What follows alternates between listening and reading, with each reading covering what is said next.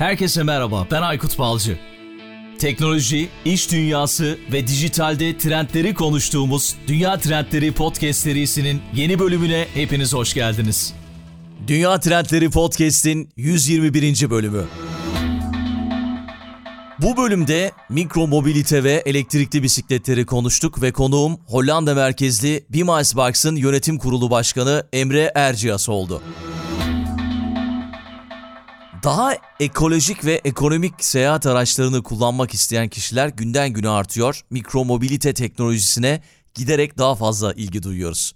Kentleşmenin artmasıyla birlikte insanların yaptığı seyahatlerin çoğu artık mikro mobilite kategorisine giriyor ve bunun en başında da bisikletler ve elektrikli skuterlar kullanımı göze çarpıyor. Tüketiciler bu büyüyen trendten yararlandıkça pazar fırsatları da hızla artmaya devam ediyor.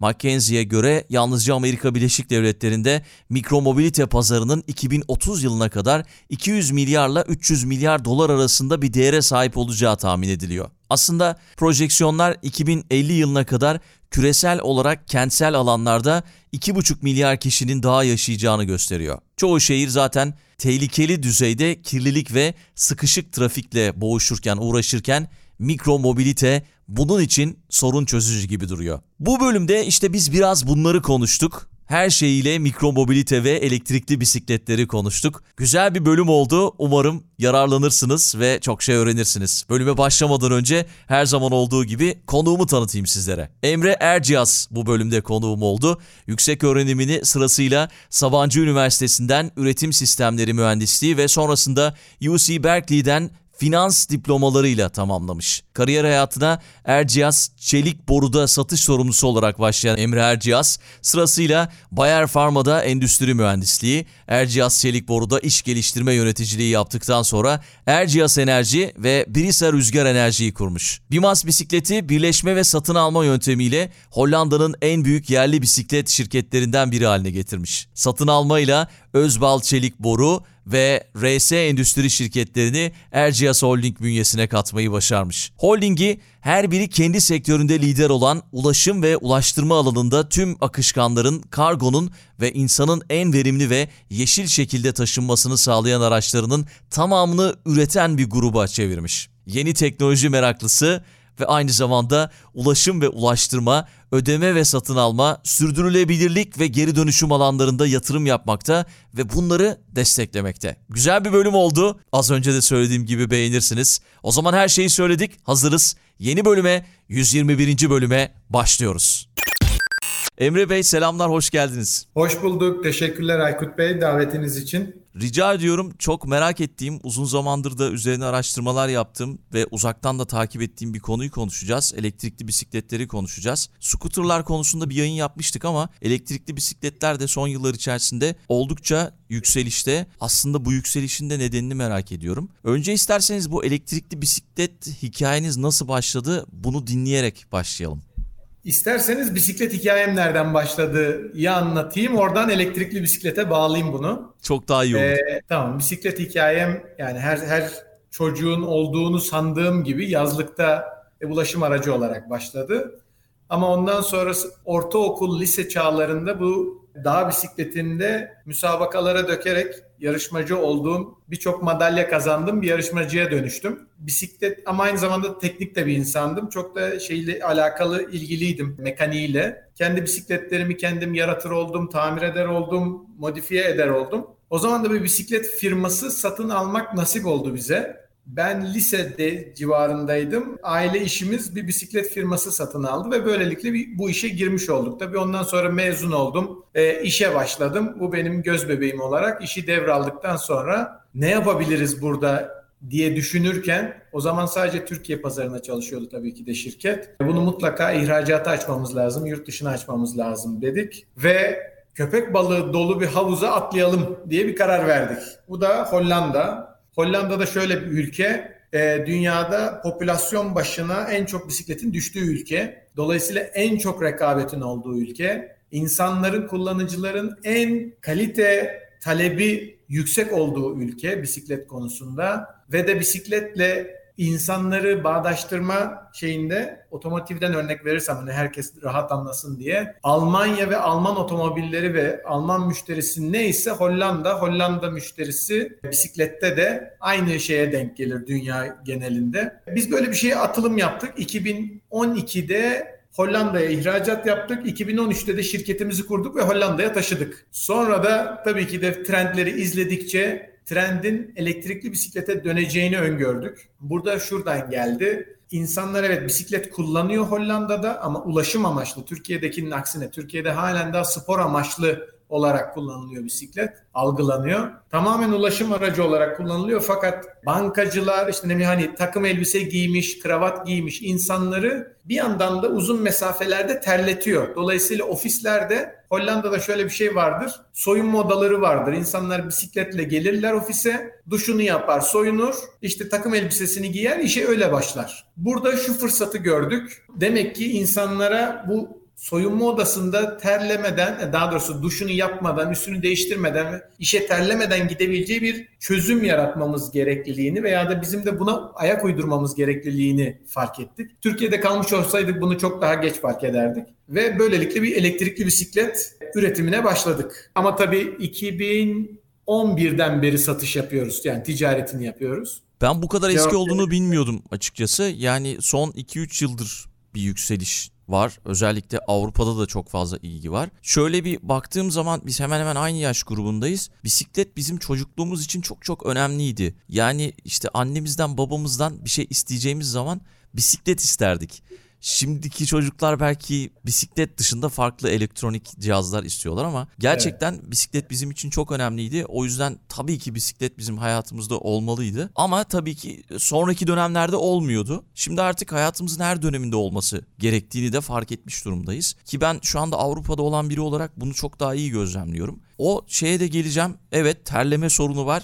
Ben onu şöyle açmıştım. Normal elektrikli olmayan bisiklette yanıma fazladan kıyafet alıyorum. Gittiğim yerde üstümü değiştiriyorum ama bu Hollanda ayrıntısı da giyinme kabinleri ayrıntısı da gerçekten önemli diye düşünüyorum. Belki işte zaten de... öyleydi sistem. Yani o soyunma kabinleri vardı ofislerde. Bizde bizim de vardı Hollanda'da. Bir sürü herkes tabii ki de şeyle geliyor, bisikletle geliyor işe. Ancak bu elektrikli bisiklet ne zaman ki işte satılmaya başladı, insanlar almaya başladı gördük ki soyunma kabinine girmiyor insanlar artık kullanmıyor. Kendi çalışanlarımız dedik o zaman burada bir fırsat var çünkü bir sürü çalışanın en büyük derdi esasında bu terlememek veya da işte bu şeyle uğraşmamak, soyunmakla, giyinmekle uğraşmamaktı. Dolayısıyla Türkiye'deki diğer arkadaşlarımıza nazaran bunu daha evvelden gördük ve daha evvelden girebildik. Bence çok iyi. Peki burada mesela çevremde konuştuğum insanlar elektrikli bisikleti şöyle algılıyorlar. Yani hiç pedal çevirmeden işte o aküyle, bataryayla gidebiliyoruz gibi algılıyorlar. Belki burada şeyi bize anlatsanız çok iyi olur. Elektrikli bisikletle normal bisiklet arasındaki farkı. Bunu çünkü çoğu insan Aha. bilmiyor Türkiye'de en azından. Türkiye'de satılan elektrikli bisiklet adıyla satılan kimi ürünler de evet bu doğru. E, pedal çevirmeden de elektrik tahrikle gidebiliyor iki tekerlekli araç. Ama bu bizim mevzuatımızdaki boşluktan faydalanma esasında. Bunlar elektrikli scooter, elektrikli bisiklet değil. Sadece üstüne yolda kaldığınız zaman çevirebileceğiniz pedal taktığınız için bisiklet kategorisine girmez bu ürünler. Çin'den gelen bir sürü böyle ürün var. Avrupa mevzuatına göre ki Türkiye'de bunun bir parçası esasında elektrikli bisiklet tanımı pedal çevirmenize yardımcı olan, asiste eden bir tahrik motoru olması gerekir. Yani siz motosiklet gibi pedal çevirmeden tahriği alacağınız bir sistem esasında motosiklettir. Elektrikli bisiklet değildir. Elektrikli bisikletle bisikletin arasındaki fark yani esasında bir bisiklet sadece üstüne bir batarya ve bir motor konuluyor ve siz pedal çevirirken size yardımcı bir itici güç devreye giren bir sistem. Bu pili bittiğinde aracın aynı şekilde pedal çevirerek yolunuza devam edebileceğiniz normal bir bisiklet esasında. Hiçbir farkı yok. Dolayısıyla Sadece bir destek sağlıyor anladım kadarıyla. Aynen. Şey deniyor buna. Pedal assist deniyor. Yani esasında pedalınıza asiste eden, yardımcı olan bir güç. Yani bir e-bisiklette iki özelliği de bir arada bulabiliyoruz. Hem normal modda gidebiliyoruz hem de elektronik modda gidebiliyoruz. Öyle Tabii anlıyorum. yani devreye sokmak zorunda değilsiniz. Bir elektrikli bisikletiniz var diye de her zaman elektrikli kullanmak zorunda değilsiniz. İsterseniz devre dışı bırakırsınız ya da isterseniz full güce alırsınız ama pili bittiğinde ne yaparım diye korkacağınız da bir durum yok esasında. Çünkü elinizde bir bisiklet var. Pedalı çevirdiğinizde giden bir bisiklet. Tek farkı batarya ve motor gibi e, bir yük taşıyor olacaksınız. Onun da toplamı 3 ila 5 kilo arasında bir toplam ağırlığı var. Evet evet. Eğer onu so- soracağım. asisti kullanmıyorsanız. Onu soracağım zaten. Onunla ilgili de önemli teknolojik gelişmeler var, inovasyonlar var, farklı tasarımlar var. Ama şey merak ediyorum ileride gelecekte insanlar her iki özelliği de kullanabilecekleri için acaba diyorum normal bisikletleri tercih etmezler mi?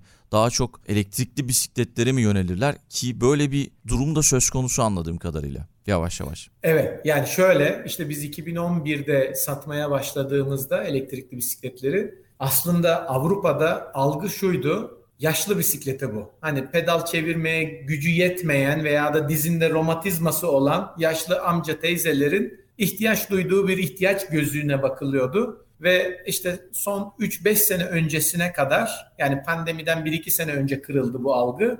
E, halen da genç insanlar yani genç dediğim 55-60 yaş altı insanlar kendini genç hissedenler özellikle elektrikli bisiklet almazlardı yaşlı statüsüne girmemek için etrafta algı olarak. Ama şimdi mesafelerimiz arttı. Özellikle pandemide evden çalışma başladı ve veya toplu taşıma kullanmama başladı. Dolayısıyla insanlar uzun mesafeleri, daha uzun mesafeleri açık havada gitme ihtiyacı duydular. Bu elektrikli bisikletin esasında tüm Avrupa'da yayılmasını tetikleyen şey bu oldu. Toplu taşımadan uzaklaşma ve de uzun mesafeleri terlemeden gidebilme ihtiyacı. Mesela Kopenhag'da yaşayanların %62'si okula ya da işte üniversiteye bisikletle gidiyormuş. Bunun nedeni sorulduğunda da büyük bir çoğunluğu elektrikli bisikletle gidiyormuş düzeltiyorum. Hızlı olduğu için yanıtını veriyorlarmış. Daha uzun mesafelere hızlı bir şekilde gidiyoruz. Tabii bunun yanında işte sağlık ve çevresel faydalar da var. Bunlardan bahsedenler de varmış. Mesela ne kadar saatte ne kadar hızla gidebiliyoruz bir elektrikli bisikletle? Şimdi bu hız esasında tartışmaya açık bir konu şu açıdan. Sizin elinizde bir spor bisikleti varsa yani bir yol bisikleti veya bir mountain bike yani e, dişli çark sayısı çoksa vites sayısı siz standart bir elektrikli bisikletten daha hızlı gidebilirsiniz kas gücünüzle.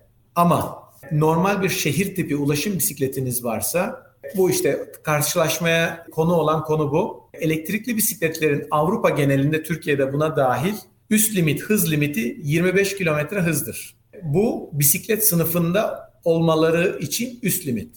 Ama bir de plaka takılabilir, plaka ve kask zorunluluğu olan hızlı bisiklet tipleri var. Onlar 40 kilometre hıza kadar çıkabilen bisikletler. Esasında bakarsanız bir yarış bisikletiyle siz bindiğinizde 60-80 kilometre arasında bir hıza ulaşabilirsiniz. Yani elektrikli bisikleti çok geçebilirsiniz. Ama tabii ki de uzun mesafelerde değil. Tahrik şeyiniz bir yerden sonra düşecektir gücünüz belli bir zamandan sonra. 25 kilometre hızla sınırlıdır elektrik bisikletler normal anlamda Avrupa genelinde. Anladım. Yani skuterlarda da böyle düzenlemeler oldu bildiğim kadarıyla. Doğru. Doğru. E, pe- peki şey her bisiklette bunu görebiliyor muyuz? Yani işte dağ bisikletinde, yarış bisikletinde ya da işte şehir bisikletinde farklı farklı bisikletlerde e-bisiklet olarak görebiliyoruz herhalde. Aynen öyle. Plaka takmak istemiyorsanız bütün e-bike'larda, elektrikli bisikletlerde 250 watt motor gücü ve 25 kilometre hız üst limit olmak zorunda. Plaka takarım ve kask takarım diyorsanız da 40 kilometre hıza kadar üst grup ekipmanlar alabiliyorsunuz. Üst grup elektrikli bisikletler alabiliyorsunuz. Anladım. Peki mesela şey istatistiğine baktım. Avrupa'da özellikle 2020 yılında satılan 100 bisikletten 40'ı e-bike olmuş. Bunu neye bağlıyorsunuz? Ya az çok bahsettik ama mesela bu azaldı mı pandemi döneminde? Şimdiki istatistikler nasıl? Bunu da merak ediyorum açıkçası. Bu sizin dediğiniz %40 oranı daha çok Kuzey Avrupa olabilir. Çünkü tüm Avrupa aşağı yukarı 20-22 milyon adet bisiklet satılır. Bunun aşağı yukarı 4,5-5 milyonu elektrikli bisiklettir. Bu Konebi yani Konfederasyon European Bicycle Derneği'nin raporuna göre Hollanda'da %50'nin üstündedir ve Kuzey Avrupa genelinde de %40 gibidir. Bunun daha çok nedenini ben şuna bağlıyorum. Öncelikle bir yeni gelen nesil bisiklet almak istiyor ve almak istediği bisikletle de her şeyini çözmek istiyor. Çözmek istediği şeyler işine de gitmek istiyor, akşam restoranına da gitmek istiyor, alışverişine de gitmek istiyor, yük de taşımak istiyor.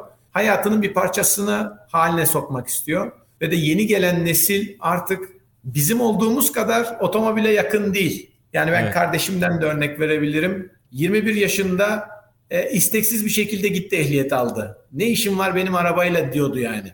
Evet. Hani bu yeni nesilde bir otomobile karşı bir uzaklaşma var. Bir de çevre bilinci çok yüksek. Asla ve asla çevreyi kirletecek bir şeylere yaklaşma trendine girmek istemiyorlar aynı zamanda. Elektrikli bisikletler de ucuzluyor tabii. Yani eski hem datalarda biraz önce bahsettiğim gibi bir yaşlı gözükmekten korkuluyordu. İki uzun mesafeler bu kadar çok yapılmıyordu. Ofislerde zaten giyinme soyunma odaları vardı. Ama şimdi bunlar değiştikçe artık insanlar zaten otomobile de para vermiyor. Zaten şehirler arası şehirler içinde otomobiller de yasaklanıyor. E park bulma zorunu var. Kimse artık otomobille uğraşmak istemiyor. Dolayısıyla o para otomobile de yatırılacak. Otoparka verilecek. Belediyeye park için verilecek. Para artık boşa çıkınca insanlar bisiklete harcayacakları daha büyük bir şey havuz parasına sahip oldular. Bir de tabii ki de Avrupa genelinde konuşursak inanılmaz teşvikler var bisikletin her türlüsüne. Elektrikli bisiklet olunca da inanılmaz işte nakit yardımından tutun vergi yardımına kadar çeşitli ülkelerin bir sürü vergi teşvik e, şeyleri var elektrikli bisikletlere. Bunların hepsi tabii üst üste binince insanlar e, elektrikli bisikletlere akın ediyorlar şu an. Deloitte'un bir raporu vardı 2020 yılında yayınlanmış. Onu da inceledim yayın öncesinde. Hı hı. Orada şey diyordu. Bisikletlerin yani elektrikli bisikletlerin ilk patenti 1895 yılında. Bu kadar zaman niye beklemişiz? Yani elektrikli tüm araçlar için söyleyebiliriz bunu aslında arabalar veya skuterlar için de. Neden bu kadar sene beklemişiz? Aslında onu aklım almıyor pratiklik, açıkçası. Pratiklik e, anca şimdi geliyor. Yani pratiklikten kastımız elektrikli araçlara dönersek bir deponun dolması veya da bir depo bittiğinde yeni depoyu doldurup yoluna devam edebilme pratikliği 5 dakika ile 10 dakika arasında. Fakat elektrikli araçta eski zamanlarda bir menziliniz çok kısaydı ve de fulllemek, deponuzu fulllemek saatler alıyor. Dolayısıyla bu pratiklik ancak şimdi kazanılmaya başlandı. Pil teknolojileri değişti. Şimdi tamamen artık çok çabuk hızlı şarj edilebilen ve de menzili çok yüksek olan ve de hafif batarya tipleri çıktığından dolayı artık şu an insan hayatına alabilir duruma geldi elektrikli araçları. Elektrikli bisikletlerde de keza öyle. İlk çıktığında bataryanın menzili kim bilir nedir? Yani o zaman yazılmış bir şey yok tabii ben de bulamadım. Ama yani hani şu ankine kıyasla ki şu an bizim bisikletlerimizde verdiğimiz en küçük bataryalı, en küçük elektrikli bisikletimizin menzili 70 kilometre. 250 kilometreye kadar menzil veriyoruz. Bir anlam ancak şu an ifade etmeye başladı artık alınan pilden fayda.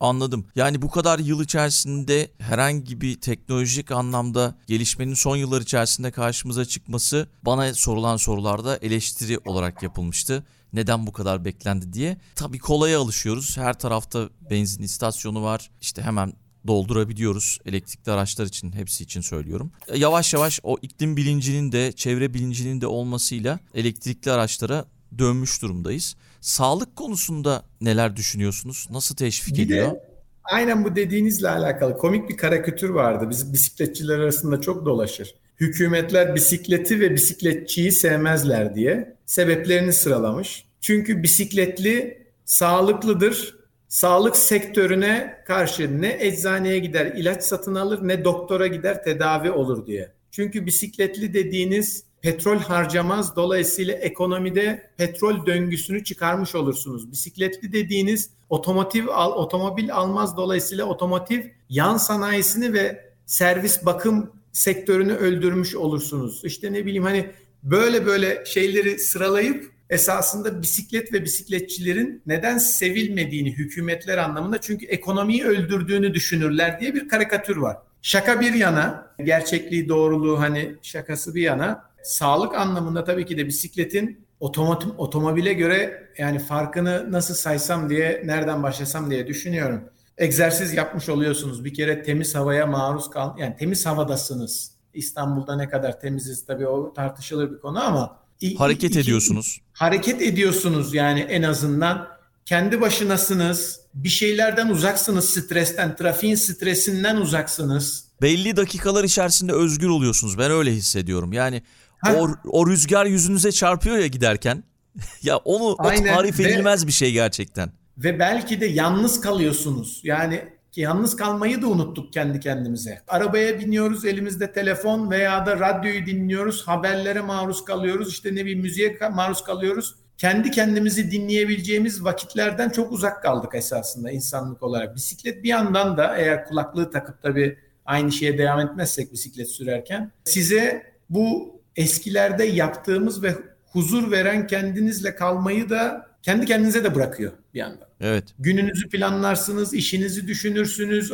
Ne, ne yapmak istiyorsanız, ne düşünmek istiyorsanız yapabileceğiniz bir zaman tanıyor. Kesinlikle. Türkiye'de peki bir bisiklet kültürü oluşmaya başladı mı? Özellikle büyük şehirlerde belediyelerin çok fazla bu konuda yaptığı çalışmalar var ama bir tarafta böyle bunu çok fazla eleştiriyor. Yani diyelim ki bisiklet yolları oluyor. İşte ne gerek var bu bisiklet yollarına trafiği sıkıştırıyor gibi eleştiriyorlar veya bisiklet yollarını kullanıyorlar bilinçsizce. Ama diğer tarafta işte kızıyor neden bisiklet yolları yok diye. Bu konuda ne düşünüyorsunuz? Şimdi konunun en başında şunu dediniz. Bizim çocukken anne babamızdan istediğimiz ilk hediye bisikletti diye. Evet. Komik bir hikaye. Ben de öyle o zaman başlayayım sorunuzu anlatmaya. Evet 2011 yılı gibi biz bisiklet işine girdiğimize lanet olsun dedik. Nereden girdik biz bu işe dedik. Yani bu Türkiye'de bu bisiklet kafası mentalitesini değiştiremedik, edemedik, insanlara anlatamadık. Böyle de zaten bisiklet ülkesi olmaz olsun dedik. Kapatıyoruz dedik. Satışa çıkardık fabrikayı. Ondan sonra bir gün Hollandalı bir şey geldi, müşteri geldi. Ya dedi bana şu kadarlık bir bisiklet üretir misiniz? Fason. İyi dedik hadi jübilemizi senle yapalım. Tamam. Peki süper. dedik.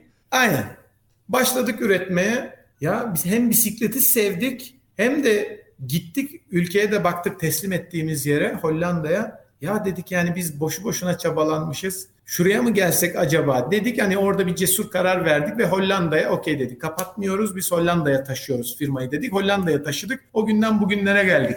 Ama ülkemiz o günlerden bugünlere gelemedi. Halen daha bisikletimiz karne hediyesi sıfatını geçemiyor Türkiye'de. Bir karne hediyesi olan üründe de ebeveynin baktığı birinci özellik fiyat. Çünkü nasıl olsa çocuk bugün şu an canı çekiyor ama yarın canı çekmeyecek veya da zaten yarın büyüyecek, ilgisi başka yere kayacak diyerekten bisiklete para yatırmıyor. Burada da uzak doğulu üreticiler merdiven altı üreticilerle kapışamaz durumda hiçbir düzgün üretici Türkiye'de. Biz buradan kaçtık. Ama şu an teşekkür ediyorum. Ee, yani hem belediyenin çalışmaları e, olsun, hem gençlerin algısının değişmesi olsun, çevre bilinci olsun, pandeminin de etkisiyle tabii ki de insanlarda bir bisiklet ve ve veya şöyle diyeyim mikromobilite esasında scooter'ı da katayım ona. Mikromobilite ihtiyacı doğdu ve de daha da giderek de büyüyor. Her ne kadar halkın sadece gelir düzeyi yüksek, eğitim düzeyi yüksek kesimi şu an farkında olsa da mikromobilitenin öneminin belediye ve yerel yönetimler bu işe el attığında demek oluyor ki bu yaygınlaştırılacak ve yaygınlaşacak. Yani gelecekte daha çok ve daha çok mikromobilite araçları, scooter ve bisikletleri yolda göreceğiz.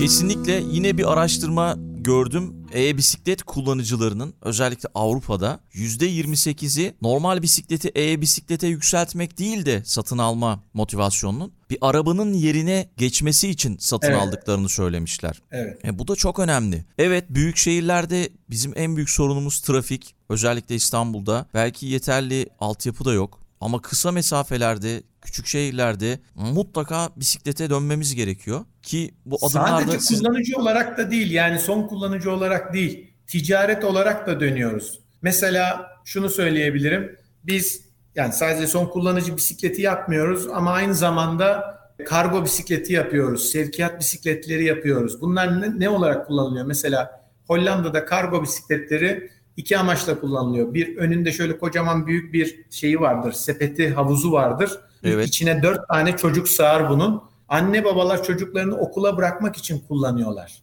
Ve veya ailecek bir yere yemeğe, akşam yemeğine gitmek için veya da alışveriş yapmak için kullanıyorlar. Ticari anlamda posta servisleri, kargo şirketleri bunları işte ürünlerini dağıtmak için kullanıyor. Sevkiyat bisikleti üretiyoruz mesela. Getir'in Avrupa'daki neredeyse tüm sevkiyat bisikletlerini veriyoruz ve benzeri şirketlerin işte yemek siparişi şeyleri işte küçük e, sevkiyatların sevkiyatında kullanılıyor bu bisikletler. Paket yani serviste Türkiye'de, çok önemli hale geldi. Çünkü son dönem içerisinde maliyetler çok fazla arttı ve evet. herkes bisiklete dönmüş durumda. Bu arada e, hala hala dediğim yani hiç vazgeçmemişler. E, Alman Posta Teşkilatı ben sokaklarda görüyorum bisiklet kullanıyorlar yani. O sepetli bisikletleri. E çok daha pratik, çok daha anlamlı. Bir kere zaten trafiğe takılmıyorsunuz. Giremediğiniz, park edemediğiniz yer yok. E, çevreci aynı zamanda maliyeti ucuz. E, ehliyet ihtiyacı yok çalıştırdığınız kişide. Esasına baktığınızda çok mantıklı. Yani bu sevkiyat şirketleri için de şimdi motosiklet kuryeyle dağıtım yapıyorlar. Motosiklet kuryeye bir ÖTV ödeniyor, MTV ödeniyor motosikletin kendisinde. Plaka masrafı var, bakım onarımı var. Artı bir de ehliyet sahibi olmasını beklediğiniz şoförünüz var. Yani sürücünüz var. Bisiklette bunların hiçbiri yok. Artı trafik lambası yok. Kırmızı ışığınız yok. Trafik sıkışık trafiğiniz yok arabaların arasından her halükarda geçeceğiniz bir şeyiniz var. Orada ama Türkiye'de ama, mevzuat uygun değil. Bir de orada şöyle şöyle bir şey eleştiriyorlar. Yani motosikletle daha hızlı, daha hızlı e, sevkiyat yapabiliyoruz. Orada işte elektrikli bisikletler devreye girerse o açığı da kapatmış olacaklar. Yani bir saatte mesela 5 tane sevkiyat yapıyorsa, sevkiyatta demin de paket teslim ediyorsa normal bisiklette daha az teslim edecek. Ama elektrikli bisiklet işin içine girerse belki o açığı da kapatmış olacak. Hem o açığı kapıyor hem de matematik yapalım Aykut Bey. Bir motosiklet basit hesap gidiyorum 3000 euro. Bir elektrikli bisiklet 1000 euro. Yani şu demek oluyor bu. Her harcanacak 1 milyon euroya ben sevkiyat şirketi anlamında bakıyorum. 300 330 tane motosiklet almak var ya da 1000 tane elektrikli bisiklet almak var. Yani bu ne demek oluyor? Ben sevkiyat şirketi olarak 1 milyon euro parayla gideceğim aynı anda penetre edebileceğim müşteri sayısı ya 330 olabilir ya 1000 olabilir. Aynı anda sevkiyat yapacağım, mutlu edebileceğim müşteri sayısını 3'e katlamış oluyorum. Evet doğru, doğru. Ve Devlet... bir şey kaybınız yok. Ve üstüne masrafınız düşüyor. Yani operasyon masrafınız da düşüyor. Çünkü ne ÖTV, MTV, ne plaka derdi, ne işte servisi, bakımı bilmem nesi her eli işte İngiliz anahtarı tutan adamın çok kolaylıkla yapabileceği şeyler. Zaten YouTube'da bizim hepsini yapacağımız tutorial'larımız da var. Herkese bütün bu şey müşterilerimize anlattığımız çok basit işler bunlar zaten. Evet evet yani çok zor değil. Herkesin yapabileceği şeyler. Devletler tarafında nasıl teşvikler var? Hani birkaç tane bahsettiniz az önce. Mesela Avrupa'da ücretsiz park, işte şarj alanları, vergi avantajları bunun gibi bir takım avantajlar var. Türkiye'de bu konudaki çalışmalar nasıl? Yani Türkiye'de şimdi söyleyeceğim önce Türkiye'de neredeyiz söyleyeceğim. Türkiye'de teşviğimiz yok olmadığı gibi belediyeler iyi niyetle bisiklet yolu yapmaya çalışıyor. Fakat bisiklet yolunun önünde dükkanı olan esnaf oraya indirme bindirme olan alanı olarak kullanamadığı için, müşterisini park ettiremediği için o bisiklet yollarını iptal ettiriyorlar, parçalıyorlar o kukaları ve de belediyeye imza toplayıp iptal ettiriyorlar bisiklet yollarını. Geliyorum Avrupa'da ise yani bir, bir, birkaç tane dünyadan daha doğrusu örnek vereyim. İtalya'da, Fransa'da ve Portekiz'de 500 euroya kadar e, bir kısmını elektrikli bisiklet aldığınızda devlet karşılıyor. Amerika'da Harika. ise 3000 3000 dolara kadar olan bisikletlerin %30'u vergiden düşülebiliyor. İngiltere ile İngiltere'de ise işe bisikletle giden çalışanlara ekstra prim ödeyen özel şirketlerin sayısı gitgide artıyor. Avrupa'da katma değer vergisi kaldırılması aşağı yukarı yüzde yirmileri buldu. Türkiye'de dediğim gibi şu an halen de bisiklet deli icadı, şeytan icadı gibi gözle bakılıyor. Ve tam tersine teşviğin tersine şey var, iteleme var. Ama şöyle de bir gerçeklik var. Yani şimdi hepimiz de bu ülkenin evlatlarıyız. Yani bir yerden bir yere gitmek için mecburuz çevre yoluna çıkmaya ya da çevre yolunu geçmeye. Çünkü evimizle işimizin arasından mutlaka bir çevre yolu geçiyor. Yani o çevre yolunda geçecek imkanımız yok bisikletle. Ne alt geçitimiz var, ne üst geçitimiz var, ne hani çevre yolunun yanında bir bisiklet şeridimiz var. Bir yandan biz de korkuyoruz kullanıcılar olarak. Hani ben evimle işim arasında ben dahi İstanbul'da bu bisikletin üreticisi ol, olmama rağmen Hollanda'da yaşarken devamlı kullanmama rağmen İstanbul'a geldiğimde aradan bir E5 geçtiği için evimle işimin arasında kullanamıyorum. Mesafe 3-5 kilometre olsa dahi. Evet tabii Avrupa tarafında özel bisiklet yolları var. Nereye giderseniz gidin. Kendi haritası var o bisiklet yolunun veya işte bir E5 gibi bir şey geçiyorsa ona özel bir köprü yapılmış. Uzun yıllardır tabii o altyapıyı çok güzel sağlamışlar. Bizim biraz daha özellikle o konuda yol kat etmemiz gerekiyor diye düşünüyorum. Bu arada Hollanda dediğiniz ülke dünyanın en yoğun bisiklet kullanan ülkesi ama dünyanın da en büyük petrol devi şirketinin de sahibi bu arada. Shell'in sahibi biliyorsunuz. Evet. Yani nasıl oluyor da bu adamlar bu hale gelmişler? Sanırsam petrol krizi yaşandığı yıllardı 70'ler yılında arkadaşlar petrol bulamıyorlar. Çıkaramıyorlar ve büyük krize giriyorlar ve devlet o zaman diyor ki herkes petrol harici bir ulaşım aracına dönüyor, dönüşüyor.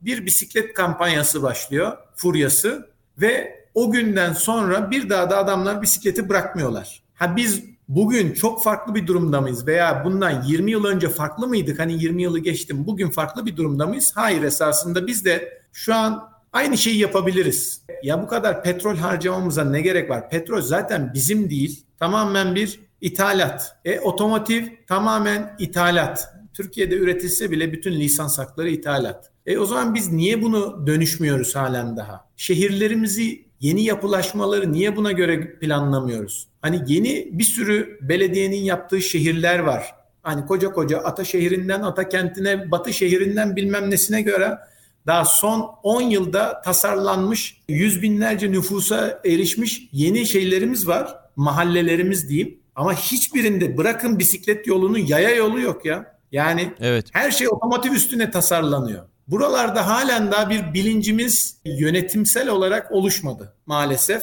Ama oluşacağına inanıyorum çünkü gelen gençlik artık çok sıkılmış durumda. Her şey her konuda çevre çevre konusunda çok bilinçli bir yeni nesil geliyor. Kesinlikle ben de katılıyorum. Yani ilerleyen yıllar içerisinde bu değişecektir. Değişmesi de gerekiyor. Ya bisiklet hayatımızda olması gerekiyor. Yani sadece çocukluğumuzda kullandığımız bir şey olmamalı. Onun zevkini alanlar da zaten bırakmıyorlar. Ve işte mesela artan petrol fiyatları nedeniyle Almanya tarafında da gözlemlediğim kadarıyla insanlar ciddi ciddi şeyi düşünüyorlar ve kullananlar da olmaya başladı. Tamamen işe bisikletle gidip gelmeyi e, düşünüyorlar ve yapanlar da oldu çevremde açıkçası. Birçok avantajı var. Az önce saydık işte hepsini. Peki Hollanda'yı çok iyi tanıdığım için, bildiğim için gene hep Hollanda'dan örnek veriyorum ama bir evde en aşağı 4-5 bisiklet vardır Hollanda'da. Şimdi bir çift yaşadığını düşünelim ve de çocuğu olduğunu düşünelim. Her ikisinin de harcı alem bir kere sokakta bıraktığı ucuz bisikleti vardır. Bu nedir? İşte çarşıya, pazara, akşam restorana gittikleri, zaten şehirler küçük olduğu için mesafeler de küçük. Harca alem bisikletler vardır. Bunlar işte ne bileyim 50 ile 250 euro arasında bedele sahip olan bisikletler. Artı bu kişilerin hafta sonu bisikletleri vardır. Hafta sonu bisikleti dediğiniz nedir? Hobisi neyse, yol bisikleti, dağ bisikleti neyse bunların bir hafta sonu bisikletleri var. Artı işe giden uzak mesafe gidenin elektrikli bisikleti vardır. Artı çocuğunu okula bırakmak veya da büyük alışveriş yapabilmek için sahip oldukları kargo bisikletleri vardır. Eğer çocukları da belli bir yaşa geldiyse çocuğun kendi bisikleti vardır. Zaten ilkokula artık kendisi gidiyordur kendi bisikletiyle. Doğru, doğru. Bir ara devlet şey dağıtmıştı hatırlıyor musunuz? Bisiklet dağıtmıştı Sağlık Bakanlığı yanılmıyorsam. Evet. E, o bisikletleri işte böyle pazar yerlerinde, e-pazar yerlerinde satışa çıkartmıştı insanlar. Ne kadar acı yani onu devlet ücretsiz dağıtmıştı herkese sağlık için. Bisikletleri Maalesef, e, evet. satışa Gelir çıkartmıştı. döndü birilerinin. Ya, şimdi devletin de şeyini yemeyelim. Öyle bir şey yapmıştı yanılmıyorsam. Zaman zaman bu tip şeyler Doğru. yapıyorlar.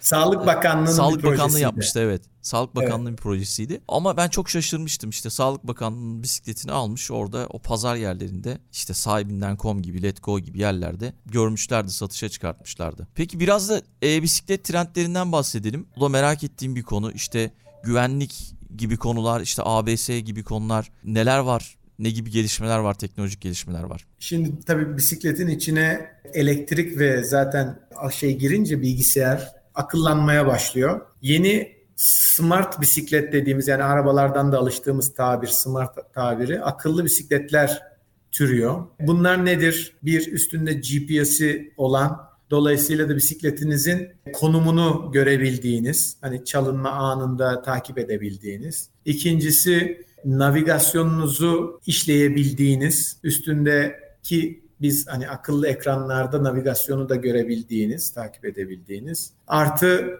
nabız ölçer gibi şeyleri bağlayabildiğiniz tipte bisikletler. Dediğiniz gibi ABS şimdi geliyor, geldi daha doğrusu. Zincirsiz vites sistemleri çıktı, e, geliyor. Kablosuz vitesler geliyor, işte pilli, kablodan kurtarıyor. Her bisikleti dolayısıyla kablolama yapmadan vitesli hale geçirebiliyorsunuz. Ama bir yandan da bizim de bir projemiz var.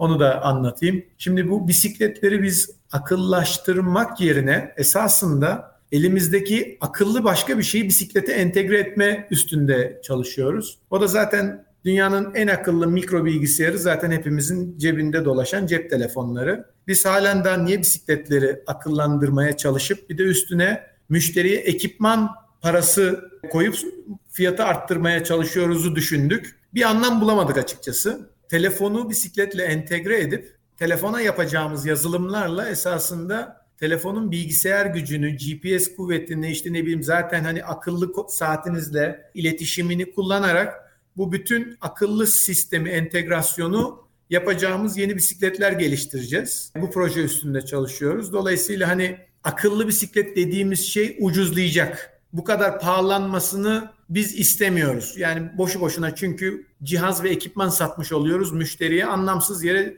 bütün zaten ekipmanların en güzeli, en kalitelisi cep telefonumuz. Evet doğru. Peki nesnelerin interneti de burada galiba önemli olacak. Burada tabii veri de toplanacak. O da farklı bir sektör. O da önemli. Buradan toplanacak veriler. O da dikkatimi çeken konulardan biriydi. Şeyi merak ediyorum. Siz son kullanıcıya yönelik bir satış yapıyor musunuz Türkiye'de? Evet yani Türkiye'ye tekrardan geri girdik geçen sene.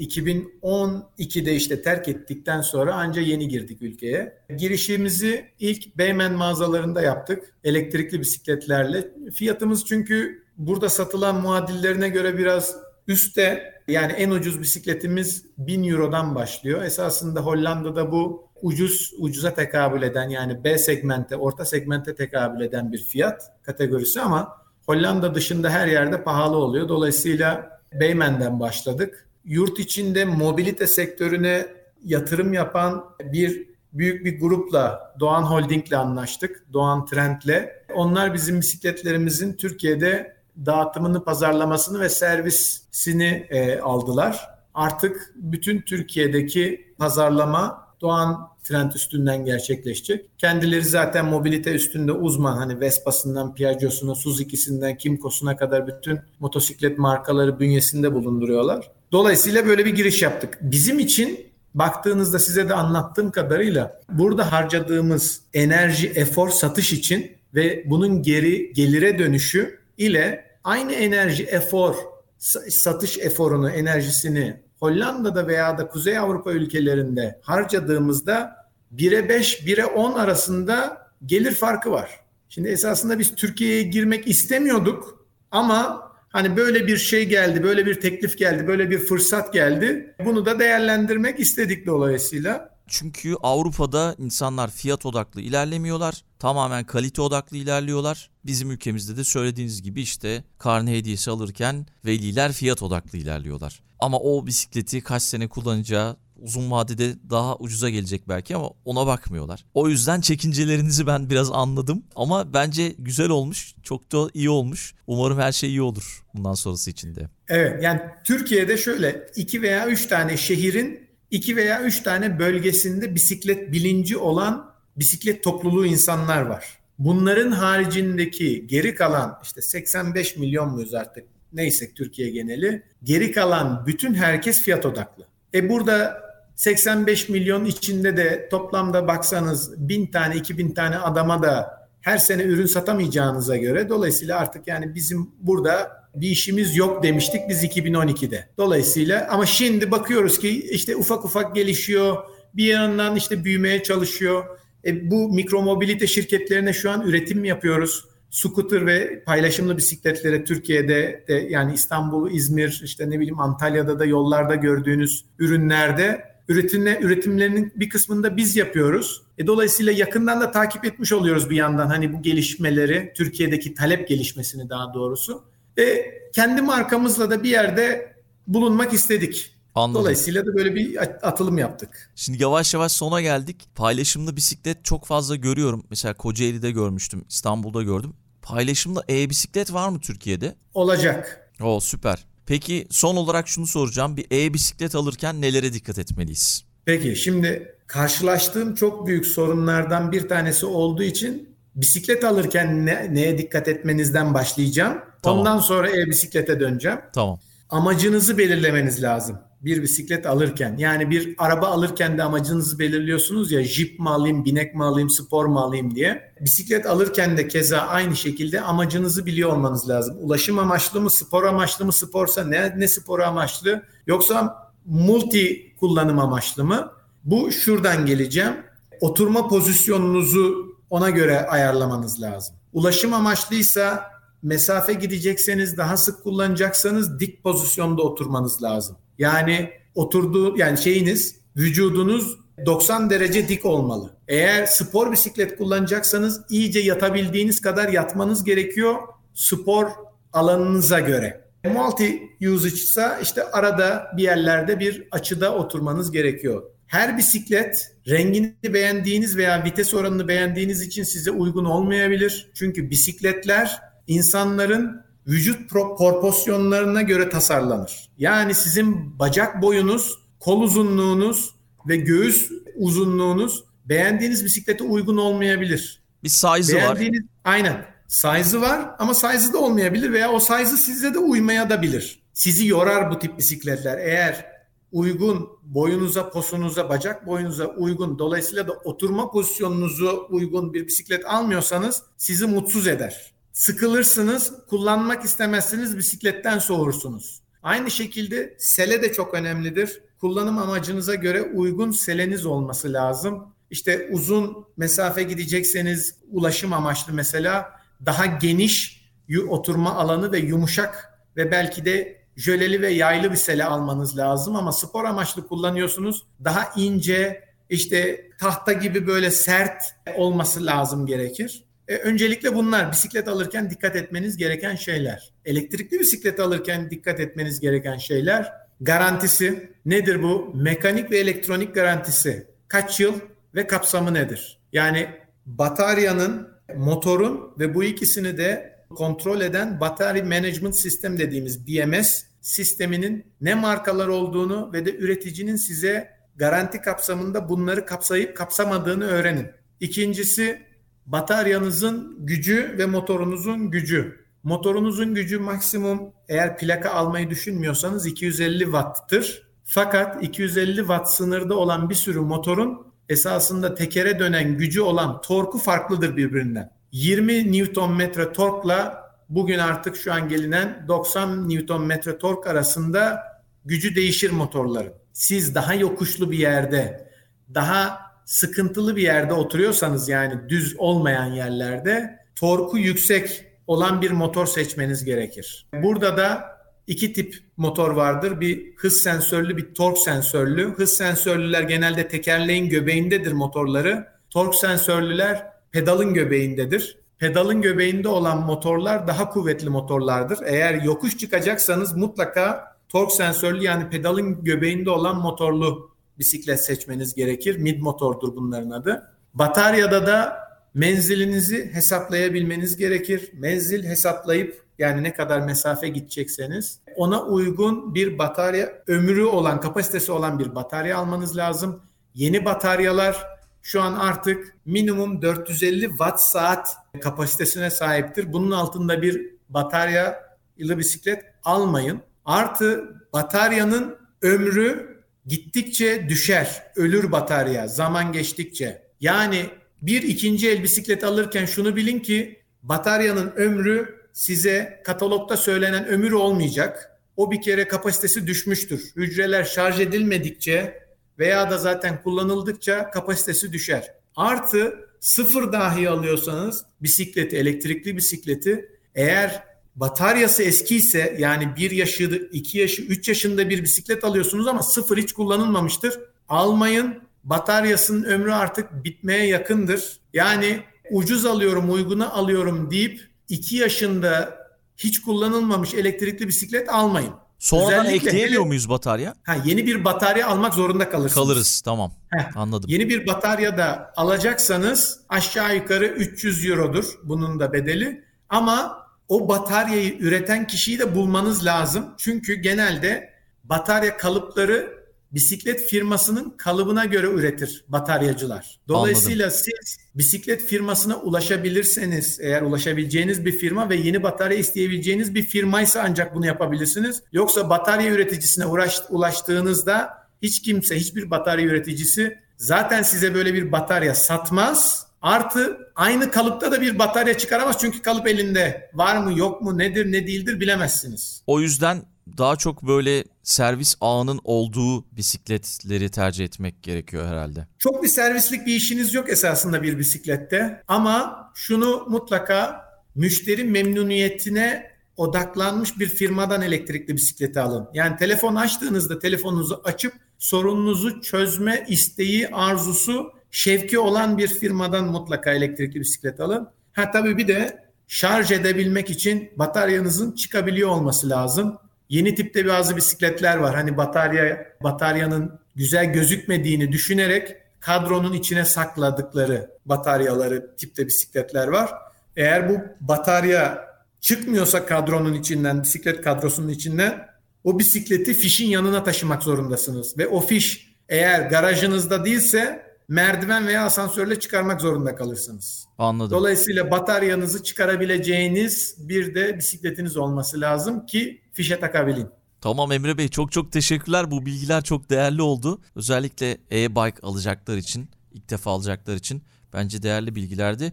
Kapatırken her zaman konuklarıma bir kitap önerisi soruyorum. Son dönemde okuduğunuz bir kitap varsa onu önerebilirsiniz. Sonra da veda eder kapatırız. Şu an yeni başladım. İkincisi bir tane birincisi Power of Geography'di. İkincisini yazdı aynı yazar. Prisoners of Geography. Coğrafyanın e, ülkeler, yönetimler ve insanlar üstündeki şeyini anlatıyor, etkisini anlatıyor. Tim Marshall adında bir yazar. Bir de seyahat kitabım var her zaman yanımda bulundurdum, devamlı okudum, okuyup okuyup devamlı bitirip devamlı şey yaptım. Meditations diye bir kitap.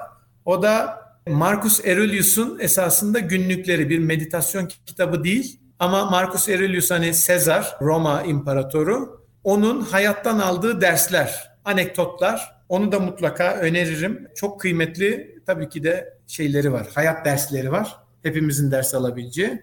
Evet şimdi en güncel bunlar olduğu için bunları önerebilirim. Çok teşekkür ediyoruz. Bunları da koyduk kütüphanemize. Eminim ki bizi dinleyen dinleyicilerimiz mutlaka bu önerileri dikkate alacaklardır. Emre Bey çok sağ olun verdiğiniz bilgiler için. Çok değerli bir yayın oldu yine. Rica ederim. Ee, umarım bir farkındalık ederim, yaratabilmişizdir. Umarım. Yani bisikleti bisiklet seven bir ülkeye dönüşmek adına. Öyle Kesinlikle. Söyleyeyim. Dünya Trendleri Podcast serisinin bu bölümünün sonuna geldik. www.dünyatrendleri.com Twitter'da @dünyatrendleri, Instagram'da dünya.trendleri adreslerinden Dünya Trendleri Podcast'i takip edebilirsiniz. Unutmayın önerileriniz ve merak ettikleriniz içinse info gmail.com adresinden mail atabilirsiniz. Bu bölümü dinlediğiniz için çok teşekkürler. Yeni bölümde tekrar buluşmak üzere.